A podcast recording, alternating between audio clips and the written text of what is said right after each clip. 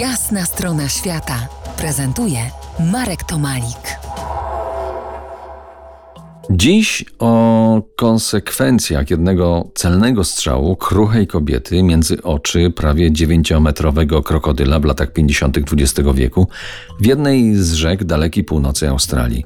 Otóż jedna legenda niesie, że po tym wypadku Krysia Pawłowski dostała szału i zaczęła wraz z mężem Ronem nałogowo polować na krokodyle.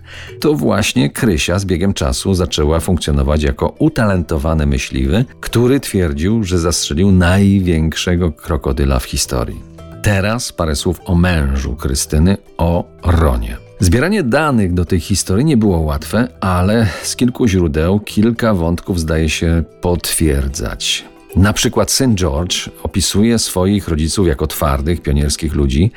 Jego ojciec Ron był fotografem, samoukiem i dokumentalistą. W swojej fotograficznej kolekcji Ron miał gromadzić zdjęcia krokodyli wykluwających się z jaj i w różnych stadiach wzrostu tych gadów. Wraz ze Wzrostem wiedzy Rona o krokodylach rosło również jego zainteresowanie ochroną przyrody. Potem w 1966 roku Ron postanowił je hodować, choć nie było to łatwe zadanie, bo w tamtych czasach była to zupełna nowość.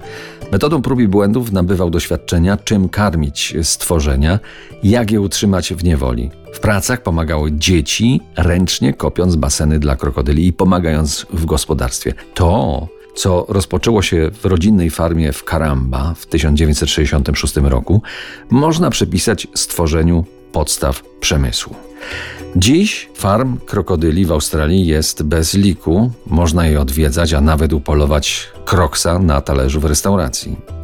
Pionierskie początki hodowli były jednak bardzo trudne, bo krokodyle słonowodne to aktorzy, którzy nie lubią blisko siebie konkurencji, na scenie wolą pojawić się solo a na farmach na małej przestrzeni musiały znosić siebie nawzajem. Farma Pawłowskich walczyła nie tylko z krokodylami, ale i z rządem stanu Queensland. Walkę przegrała, a hodowlę po większej części przeniesiono do sąsiedniego stanu, do terytorium północnego. Tam 20 lat później, pod Darwin, w Nunamah, Grupa biznesmenów założyła farmy, które po dziś dzień są światowym liderem w tejże dziedzinie i czy się to komuś podoba, czy nie, cieszą się reputacją dostawcy wysokiej jakości skór dla najbardziej luksusowych domów mody na świecie. To dziś naprawdę gruby biznes. Fascynujące jest również uświadomienie sobie, że to, co kończy się w luksusowych domach mody, zaczyna się na nieciekawych, wilgotnych bagnach północnej Australii. Wiąże się z tym jeden z najniebezpieczniejszych zawodów na świecie zbieranie jaj krokodyli. Do tego celu korzystano nawet z helikopterów, z którego finalnie trzeba było wyjść przy równoczesnym braku pewności, czy cało i zdrowo uda się wrócić do kokpitu latającej maszyny. Co się więc zadziało?